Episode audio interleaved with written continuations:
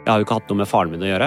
Han lever jo, men jeg har jo ikke hatt noe med han å gjøre på, på alle disse årene. Eh, Men han fikk formidlet at eh, det var en av den største tabben i hans liv var at han ikke sendte meg til Pakistan som barn og lot meg være der igjen. Det gjør jo noe med deg som voksen person når du har blitt statsråd i en norsk regjering og for så vidt Altså, jeg vet jo at jeg har lykkes med livet. Og så sier faren din til deg at det verste han angrer på, det er at han ikke dumpa deg i Pakistan som barn.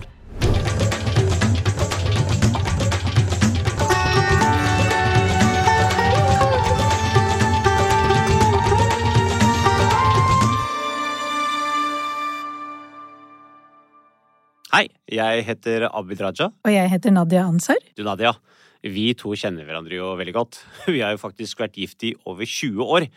Og det er først nå vi har funnet ut at vi skal lage podkast sammen. Og den skal handle om følelser. Ja, og hvorfor akkurat om det? Lurer du faktisk på det, Abid? Nei, du, egentlig ikke. Jeg, jeg drev egentlig bare og tenkte på hvordan vi skulle lage en sånn fin overgang til de som hører på. Eh, Jeg tror folk har fått med seg at vi er jo litt mer enn gjennomsnitt opptatt av å snakke om følelser. Ja, vi har jo skrevet hver vår bok om skyld og skam, og kjent på kroppen hvordan disse følelsene har påvirket oss. Og det du har fått meg til å tro på, det er jo at hvis vi snakker om disse følelsene, så blir også livskvaliteten bedre. Det har jo jeg kjent på sjøl, skrevet om i boka, og jeg kan bevitne på at det har også gjort at forholdet vårt faktisk har eh, blitt bedre. Derfor skal vi invitere forskjellige mennesker som vi er nysgjerrige på, til å komme hit og snakke åpent om følelsene sine. Målet er jo, og håpet er jo at både gjesten og vi, og kanskje også de som hører på, at vi skal sammen bli flinkere til å både gjenkjenne og håndtere både egne og andres følelser. Ja, rett og slett gjøre både Norge og verden til et mer følelsesvennlig sted. Det er litt av et eh, verdensprosjekt, altså. Ja. Skal vi bare sette i gang, eller? Ja, la oss gjøre det. Denne podkasten er laget i samarbeid med Apotek 1, som akkurat som oss er opptatt av kunnskap, erfaring og omsorg.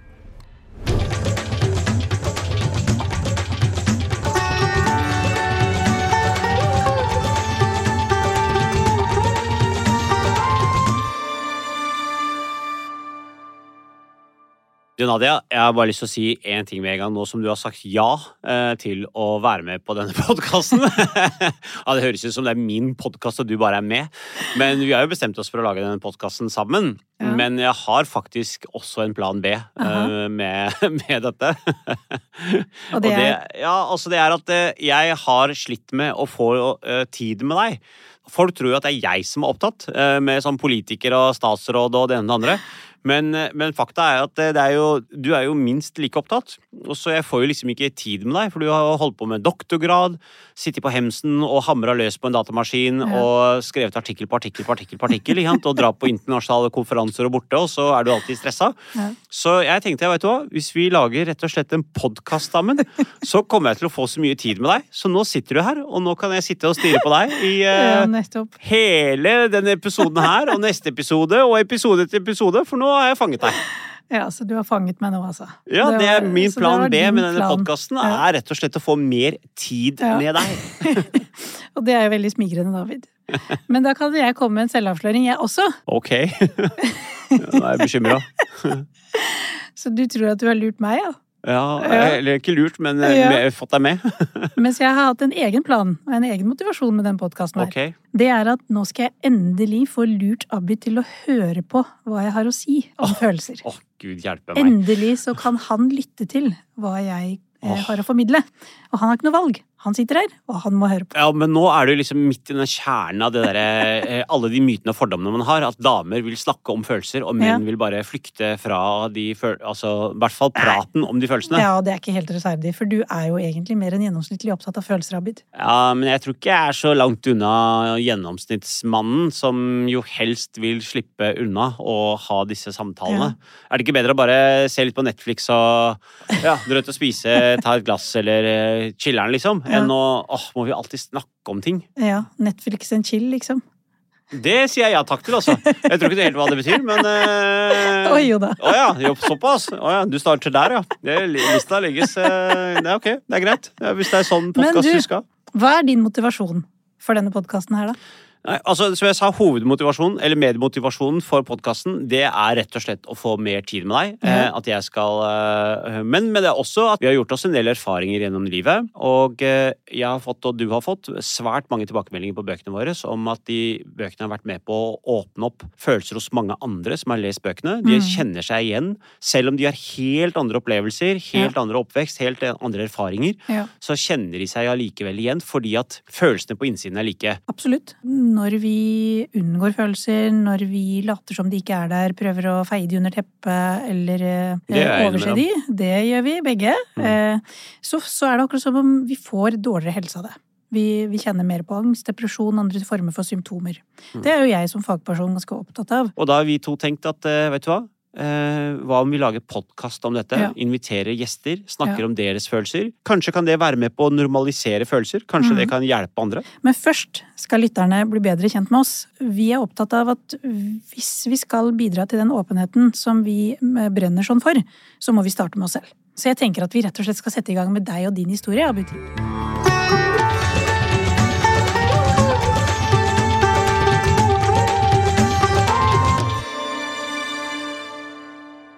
De fleste av lytterne her eh, vet kanskje ganske godt hvem du er, men det er ikke sikkert at de kjenner deg like godt som for eksempel jeg gjør. Eh, Og det som kanskje har eh, fascinert meg mest med deg, er jo at hele historien din på en eller annen måte er litt sånn uvirkelig eventyrhistorie om en liten gutt som vokser opp med en alvorlig funksjonsnedsettelse og blir forlatt på sykehuset, og som ender opp på kongens bord som statsråd. Og så vet jeg jo nå at vi befinner oss i et område som er ikke langt fra der hvor du vokste opp. Stemmer ikke det?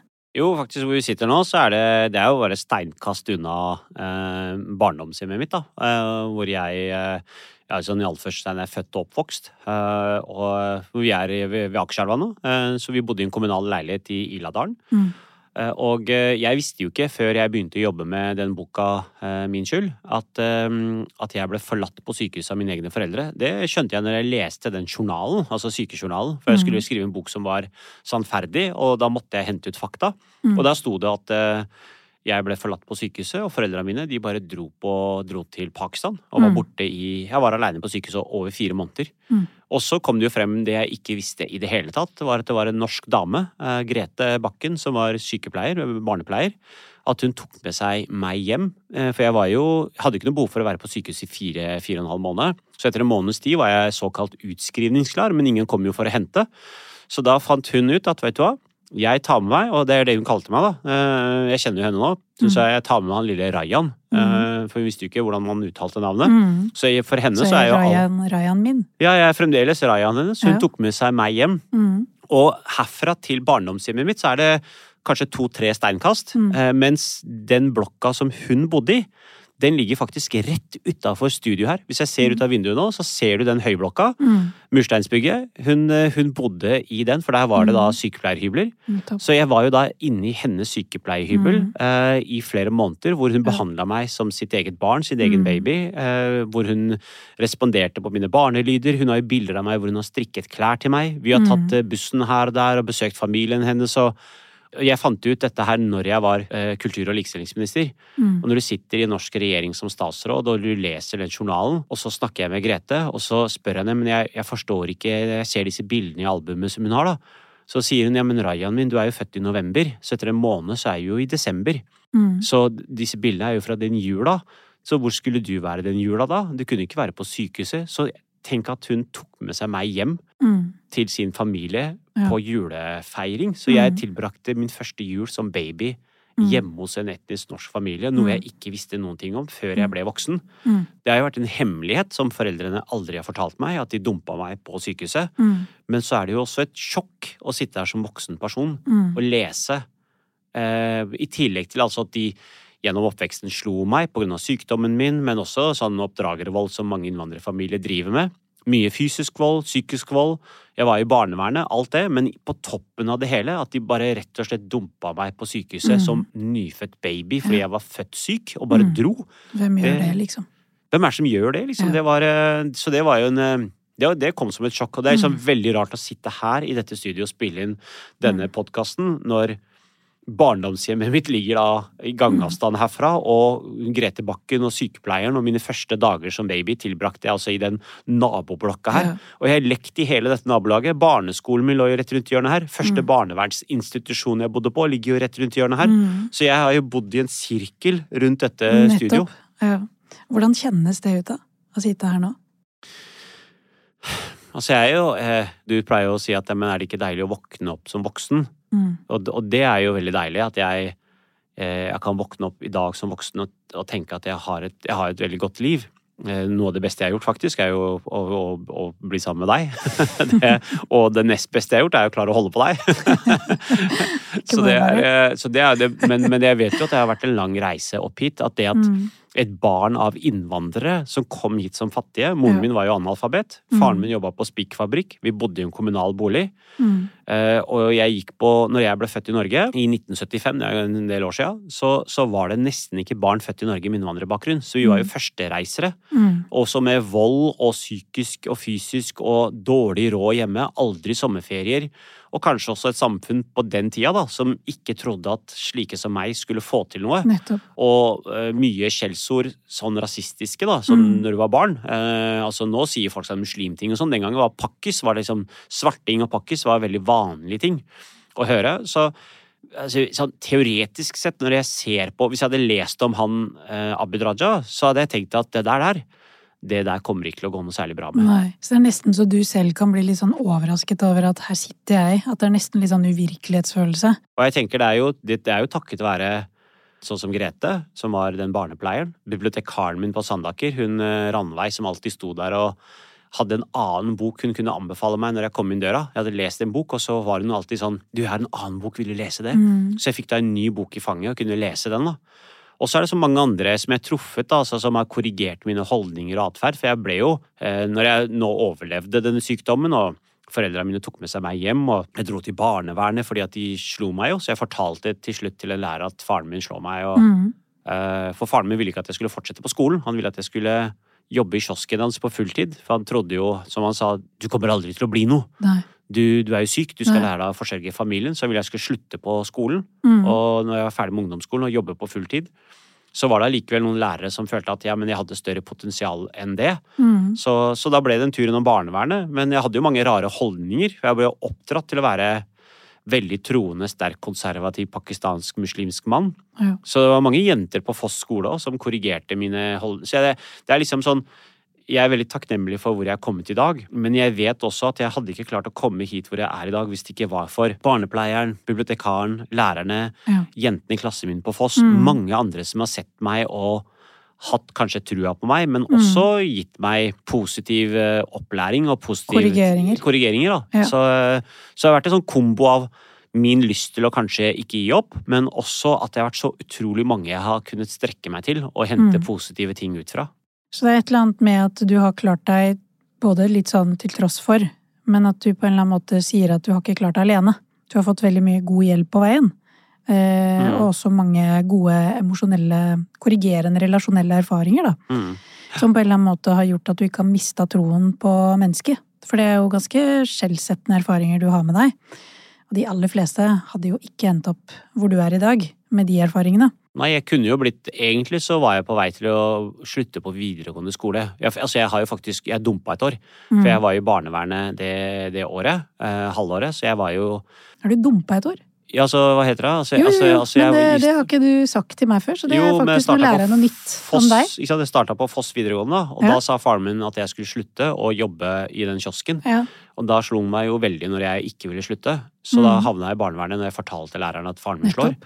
Så jeg ble jo da Jeg var på bare tenk det, altså seks barnevernsinstitusjoner på Ja. seks måneder. Du Ja. er jo kasteball fra system Absolutt. til system. Ja. Så, så da falt jeg ut av videregående. Mm. Eh, og jeg, det kunne ha endt der. At det kunne ha endt med at jeg ikke fikk starta på igjen på videregående. Mm. Men det var jo da takket være de folka i barnevernet, men også lærerne på Foss, som sørget for at jeg fikk starte en gang til. Ja. Så, eh, og da var jeg ferdig med barnevernet og De inngikk en avtale med Mm. faren min til at han skulle slutte å slå. Så, Mm. slutt, så, så flytta jeg rett og slett hjem igjen mm. til den dominerende og kontrollerende faren. Men han slo meg jo ikke igjen, da. Mm. Da var jeg 16 år og fikk lov til å starte på Foss en gang til. Mm. Eh, Og da trengte jeg ikke å jobbe i kiosken hans, Mm. men kunne egentlig mm, ja, gjøre litt mer som jeg sjøl ville. Mm. Eh, Og det, men jeg har tenkt mye på at det kunne ha endt med at jeg ikke Ble kriminell. Ja, altså jeg. I barnevernet gjorde jeg kriminelle ting. Vi var jo ute og rana andre barn. Jeg Mhm. lærte jo å, begå kriminelle, alvorlige kriminelle Absolutt. Kunne ha drept noen. Ja.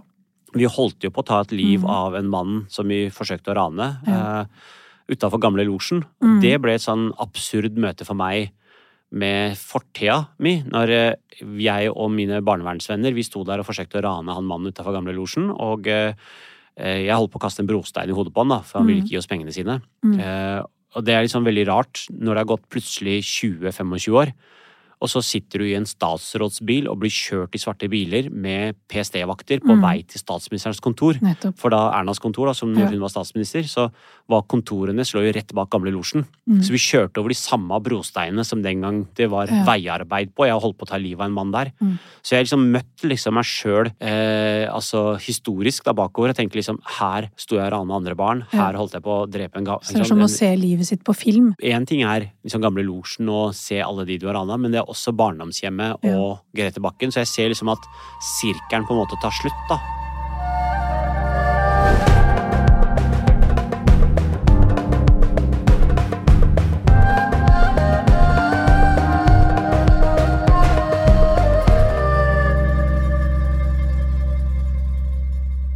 Det jeg kanskje ikke har fortalt noen gang, jeg heller er eh, Når jeg skrev den boka, min, eh, min, min, min skyld, så eh, Jeg har jo ikke hatt noe med faren min å gjøre. Han lever jo, men jeg har jo ikke hatt noe med han å gjøre på, på alle disse årene. Mm. Eh, Men han fikk formidlet at eh, det var eh, en den største tabben i hans liv var at han ikke sendte meg til Pakistan som barn og lot meg være der igjen. Mm. Og det, det, gjør jo, det gjør jo noe med deg som voksen person når du har blitt statsråd i en norsk regjering, og for så vidt altså, Jeg vet jo at jeg har lykkes med livet. Og så sier faren din til deg at det verste han angrer på, det er at han ikke dumpa deg i Pakistan som Mm. barn. Så han unner deg virkelig verken det du har fått til, og det Mm. du har. Mm. Det, det, det gjør jo Hva Altså, gjør det med deg sånn emosjonelt, tror du? Altså Emosjonelt så er det et, eh, det er jo et eh, tomrom eh, der inne. Det er Eh, et for jeg- sår, ikke sant? Mm. Det er jo egentlig et sår, og så prøver jeg å uh, møte det såret med at jeg um, uh, Jeg prøver å unngå å tenke på det. Mm. det. Jeg prøver å låse det ned i en kiste og tenke at sant, jeg, der går jeg ikke, den døra der er lukket. Mm. Så da kan jeg på en måte holde meg glad, flytende og gjøre andre ting. Uh, Men så er jo den døra blir jo bare ikke Den blir jo, har jo liksom i mange år i- har jeg tenkt at den strategien kommer til å funke, da. Mm. Men den døra er jo der. Ja. Så ja, og den kommer jo inn i sinnet hele tiden, så jeg tenker jo på det. Ja. Så du må jo, og det, så, Sånn håndterte jeg det i mange år. At jeg bare låste igjen den døra. Tenkte at her skal jeg ikke gå i tankene. Men så har jo dels du da eh, tvunget meg til å åpne den døra, og, og dels gjennom en annen psykolog jeg dro til. Så, så nå kan jeg jo kjenne på eh, tristhet, eh, og jeg kan kjenne på savn. Og særlig når jeg møter andre venner og kollegaer som forteller hva slags forhold de har til sin mor og far, Mm. og hvor mange gleder de har kjent på, og mange, noen som også har mista sine foreldre, som snakker varmt om sine foreldre på at hvordan de hadde det på hytta, hvordan de satt foran peisen, hvordan de dro på ferier, hvordan, de, hvordan faren var morsom, eller moren var Ikke sant? Altså, eh, de minnene har jo ikke jeg. Mm. Eh, så det Jeg prøver å finne da Det er noe tomrom og en sånn savn eller lengsel eller en sånn følelse av at det er noe som jeg aldri kan helt få, da, men som jeg hadde hatt godt av.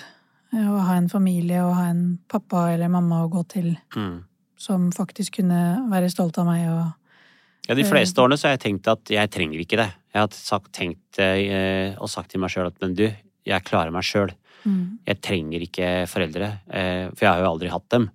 Og, og dermed så har jeg så tvunget meg til å ikke kjenne på savn, og kanskje heller ikke kjenne på tristheten over det. Men når jeg har latt meg til slutt gjøre det, så kjenner jeg jo på at jeg skulle jo gjerne hatt en minnebank, jeg også. Mm. At jeg kunne lukke øynene og tenke eh, fantastiske, fine Mm. tanker, da. Eh, Og ha gode minner og opplevelser mm, fra barndommen.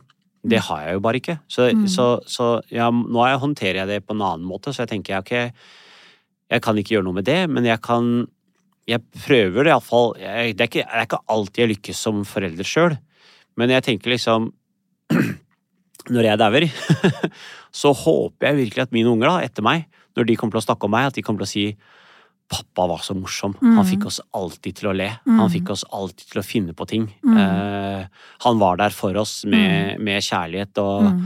Ja, ja, altså jeg, Ikke det at han var verdens beste pappa, det vet jeg ikke om jeg er eller ikke, men at i alle fall han var, han var god nok for oss. Og Han aksepterte oss for dem vi er. han og han ga oss oss for full frihet. Han ga oss full frihet. Ja. Det tar jeg liksom tenker jeg, ok, jeg får ikke fulgt opp min bindebank fra min egen barndom, Mm. men jeg kan forsøke å fylle opp på en måte minnebanken for neste generasjon. Mm. Og med det så klippe på en måte den snora over den derre Ja. Arvesynden, at allting skal gå i arv, og neste generasjon skal lide Ja. Altså om ikke minst like mye, så nest like mye, da. Mm. De, så til tross for at jeg er oppdratt i, eh, til å være fengslet og underkuet og kontrollert, så er mine barn, eh, eller våre barn, de er jo oppdratt til det motsatte. De er har jo de har jo aldri eh, vært vingeklippet. De har jo alltid kunnet fly, og de bestemmer sjøl. Mm. Eh, og det, det er eh, det Hva, hva eneste kjenner du inni deg da, når du ser det? At dette er noe jeg gir dem? Jeg kjenner egentlig på mest stolthet over at eh, til tross for den friheten Ja. de får, eller har fått, mm. eller har, så gjør de riktige valg. Ja. Det gjør meg veldig Det er, er det ikke litt fascinerende? Det er veldig deilig. At Det er jo rart. Det for det er jo sånn Når de ikke har Altså, de er jo tenåringer, Ja. eh, og de har aldri hatt noe som heter innetid. Nei. Men de har valgt å sjøl komme hjem til um, Menneskelige tider. menneskelige tider. Eller barnevennlige, ungdomsvennlige tider. Men vi har aldri sagt at du skal være hjemme, 11, hjemme til elleve 11 eller til 12. Mm. Og de er jo ikke myndige. Så, uh, så det er men- et eller annet med at du har sluppet de fri, og så velger de å ta kloke valg likevel. Mm. Ja. Jeg husker eh, hun ene da kom hjem eh, Det er jo noen år siden, da var hun vel bare 15 eller 16. Og så, så, så hadde jeg spurt jeg spurte når, når er de hjemme, sånn cirka. Så hadde sagt hun skulle komme hjem ja, 10-11-tida. Eh, Men hun kom jo ikke hjem til 11-tida, så jeg var jo våken. da. Eh, Og så hun og hørte jeg det drev og fikla med døra, og så klokka var vel sånn 12. Og jeg tror hun var 15, så jeg åpna, opp døra for henne. Eh, Og klokka var sånn 12, og hun visste at hun har kommet veldig sent hjem. Hun har aldri vært ute så sent. Jeg åpner døra, hun står der, og hun ser på meg, og hun får latterkrampe. Hun begynte å le sånn skikkelig, for hun var så flau. Hun visste ikke hvordan hun skulle håndtere det, og så ser hun på meg, og så jeg, begynte jeg å le litt. Og så er jeg har du hatt det bra? Ja, ikke sant? Så gå opp og legg deg. Ja. Ikke sant? Ferdig. Ja. Og det er liksom eh, Ja. jeg kjenner på, Det jeg kjenner på, er stolthet over at til tross for ja, høres det høres rart ut til tross for, men vi, jeg har jo, vi har jo valgt å gjøre det motsatte av det vi var oppdratt med. Mm. Så barna har ikke hatt innetid. De har ikke hatt kontroll. Så har de valgt å ta riktige, gode valg allikevel. Mm. Det kjenner jeg på ekstrem stolthet over. Fra å være så kontrollert sjøl. At jeg har null kontroll på barna. altså, for, Og, og, at du, og at det er bra. og at du har det greit med det. Og jeg liker det. Og at det går faktisk Det syns jeg er fascinerende. Og det, det, er, det er noe rart med det. at Slipper du ungene dine fri og gir dem tillit og frihet, så, og har, de har en normal, god oppdragelse, så velger de faktisk De gjør ganske gode, sunne valg sjøl. Ja, kan du kjenne på en stolthet nå, da? Ok. Jeg er, jeg er ikke sånn Du er ikke veldig god på å Nei, kjenne på jeg er ikke så god på det, altså. Hva er det som står, hva er det som står skrevet nede på toalettet, Abid? Det har jeg aldri delt med noen før. Men det er noen ord som noen hang opp der for kanskje 15 år siden, som jeg tror kanskje begynner å synke inn nå. Hva er det? Ehm, aha. Aksepter det gode. Å ja, det, ja. Aksepter det gode. Det er ja. ikke så lett. Folk eh, får jo ofte sånn rare inntrykk av folk, da, som er sånn kjente. Men jeg, jeg, har, jeg har litt vondt av å skryte av meg sjøl. Du syns det er vanskelig å, å stole på Eller jeg skryter av meg sjøl, men jeg vans van det er Ja. vanskelig å ta skryten Ja. Inn. Det Altså, er ikke så rart, ikke ja. sant? Så det er jo noe med at det, det er ikke noe du har lært å ha tillit til Mm. gjennom dine livserfaringer. Du kan ikke stole på det som har gått. For det er jo livsfarlig å stole på det som har gått, og så får du en på trynet. Så Ja. sånn sett så er det veldig forståelig at du Jeg står bedre i kampen. Ja. Du nesten er for, forberedt på kamp, ikke sant? Og er veldig god på kamp. Det er veldig mange, altså Du sier noe om at du har fått god hjelp på veien. Du sier noe om at du har fått mange sjanser. Det er jo veldig mange andre mennesker som får mange sjanser. Men den vilja di, altså.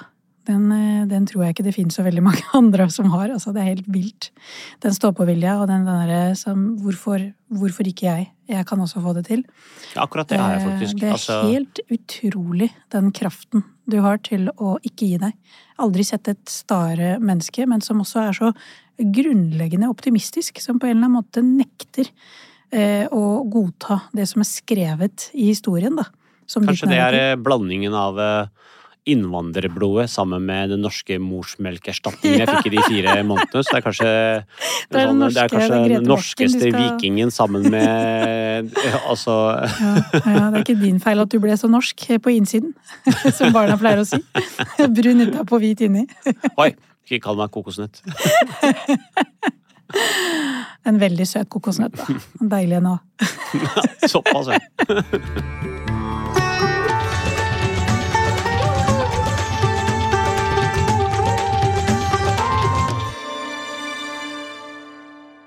Det er jo utrolig rørende å høre på deg, Abid. Jeg må jo passe på å ikke begynne å grine sjøl her. Men jeg tenker jo liksom på som psykolog òg, ikke sant, at det er noe med Du har tatt deg den utdannelsen, gått i terapi, du har så god koll på følelsene dine. Samtidig så er det noe med at de vonde følelsene, de smertefulle følelsene, de på en måte forsvinner ikke, og på en eller annen måte så må vi jo bare lære oss å leve med at vi har noen sår, da. Så jeg bare lurte på om det var liksom er det noen følelser du kan kjenne igjen som oftere dukker opp hos deg? Ja, altså Hvis jeg hadde liksom satt det i en sånn tidskontekst, da, så er det litt sånn eh, Jeg tror folk, eh, særlig eh, de, de eldste lytterne her, som har sett meg på TV fra jeg liksom entret offentligheten da, for 20 år siden, husker jo at jeg var eh, veldig mye sintere. Mm. Og, og, veldig sånn lett irritabel fyr på TV. Og eh, veldig sånn kverulerende og hard og kunne tenne på alle plugger, da. Mm. Eh, så jeg, jeg liksom setter i sånn i hvert fall for 10-15 år siden, før jeg begynte aktivt i, i, terapi, så, eller gikk til psykolog, da, som du tvang meg til, så tror jeg jeg ble veldig fortere sint. Og det var mange ting som kunne trigge meg. At, eh, at, at jeg tok kanskje mange ting mye mer personlig, og, det, mm. og jeg reagerte da istedenfor med å bli sint tilbake. Mm. Uh, og, og, hevet stemmen og liksom, enda mer dominerende og enda mer kanskje kontrollerende. Mm. Uh, nå jo, kjenner jeg jo følelsene mine mye bedre enn jeg gjorde da. Så jeg er jo mye mer avdempet slik sett.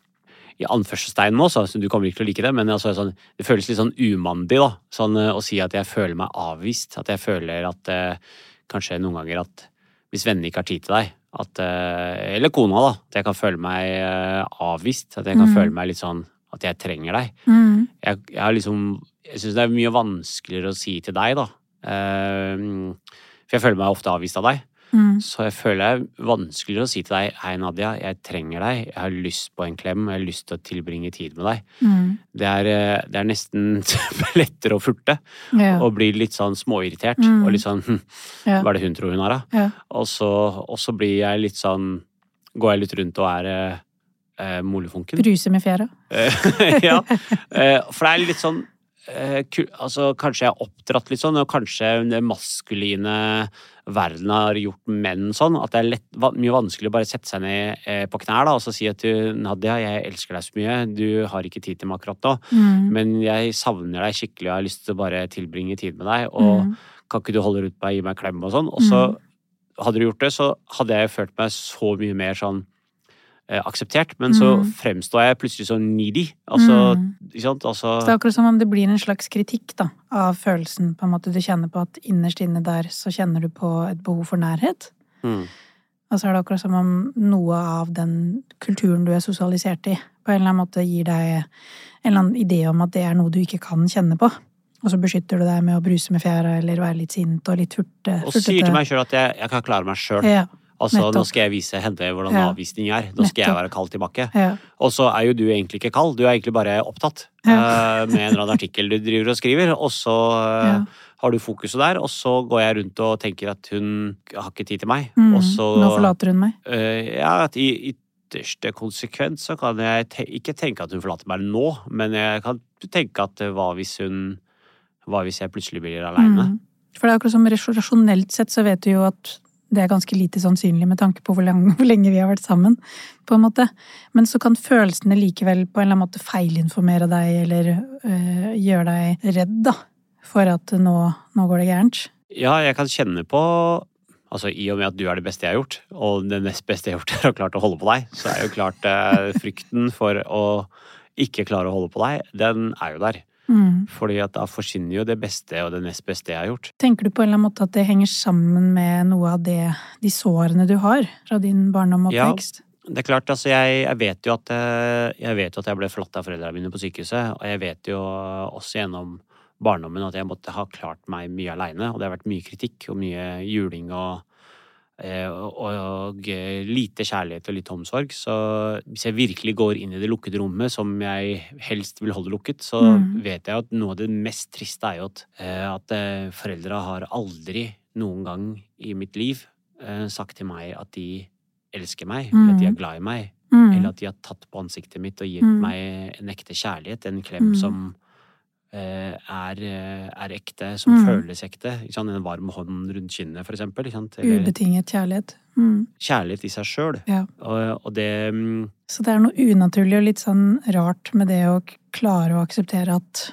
dette kan være sant, på en eller annen måte. At det er akkurat som følelsene noen gang kan feilinformere, eller at det er akkurat som om hele organismen deg da, er mye mer forberedt på å beskytte deg mot en potensiell fare, eller øh, å tenke at verden er utrygg, på en eller annen måte. Selv om du Ja, men, som voksen eh, vet at ja. du er trygg. Men kanskje når det gjelder deg, så tenker jeg jo at eh, det er en kjærlighet som er ekte. Noen ganger har jeg faktisk, selv om vi har vært sammen i Vi har vært gift i 20, men vi har vært sammen i 27 år. Ja. Så øh, jeg tror jeg sa det til deg sist sommer. Jeg tror jeg, hadde hatt det veldig bra på ferien. Så sa jeg vel at øh, jeg tror du elsker meg på ekte, jeg. Jeg sa til deg. Og så begynte du å le. Og så var det sånn at det synker liksom nå, 27 år etter at vi har vært sammen, at hm, kanskje hun elsker meg på ekte. Kanskje det ikke er på lat, liksom. Kanskje det er liksom, vi er ikke sammen pragmatisk, men hun virkelig genuint ekte er glad i meg. At jeg kan kjenne meg Mm. i at jeg vet at jeg elsker deg på ekte, Mm. for jeg kjenner de følelsene på innsiden. Ja. Men, men eh, i, jeg tror jeg liksom I parforholdet, da, så tror jeg jeg har eh, eh, Men hvorfor Ja, altså Elsker hun meg like mye? Det Og selvfølgelig, hvis jeg setter meg ned og virkelig sånn logisk det, så vet jeg at du gjør det. Og antagelig så ønsker du meg minst like mye. Mm. Men eh, fordi at jeg er oppdratt og har de opplevelsene, Mm. så sliter jeg kanskje med å kjenne på den tryggheten på Ja. at hun faktisk Nettopp. elsker meg. At hun ikke Mm. er her pragmatisk. Ja. Hun er der fordi at hun faktisk er glad i meg. Hun er sammen med meg ikke fordi hun er tvunget til det. Men så kan jo disse følelsene, som du for det store spørsmålet du stilte, var jo ikke først og fremst de pargreiene, men det var jo også med, med vennene, så kan jeg kjenne på at eh, jeg ofte har kanskje mer tid til mine venner enn det de har. Mm. At du er mange opptatte venner, da.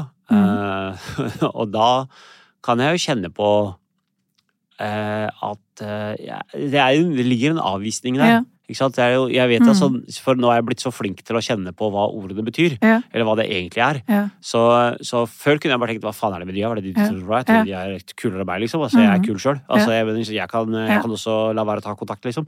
Så da, men så er det, så det, og så vet jeg at dette henger jo sammen med at jeg er blitt avvist så mye. Mm.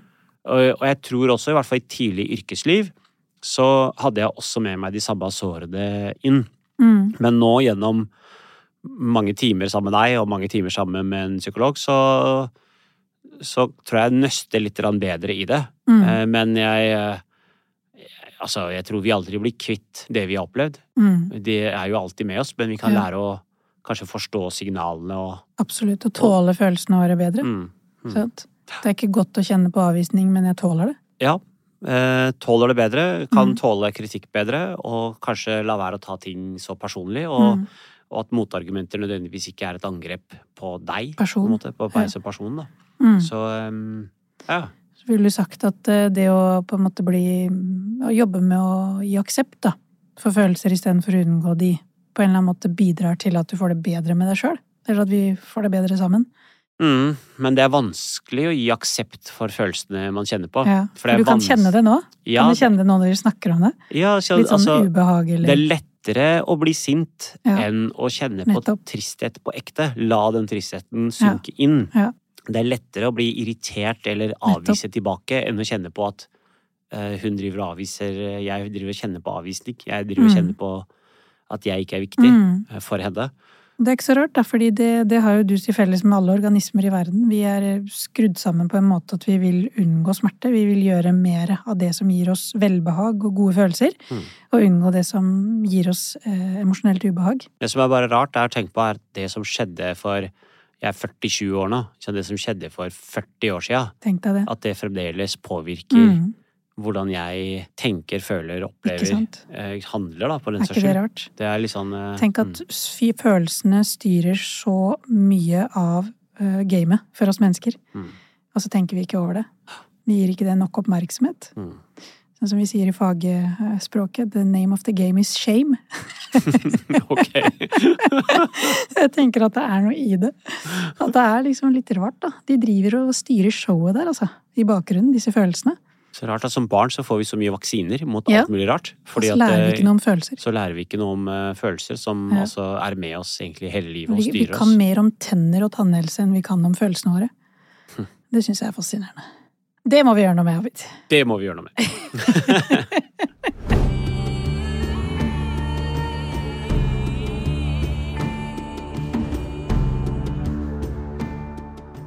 Du Nadia, tror du lytterne har blitt eh, litt bedre kjent med meg nå, eller? Å ja, absolutt. Eh, Jeg syns til og med jeg har blitt bedre kjent med deg, Abid. Og neste gang, da er det faktisk din tur, Nadia. Og så skal vi jo få besøk av masse spennende gjester eh, utover høsten. Da gjenstår det egentlig bare å si tusen takk for deg som har hørt på, og så snakkes vi i neste episode. Ja, takk for at du hørte på. Og så snakkes jo kanskje vi to før neste episode, Nadia. Håper jeg. Så absolutt.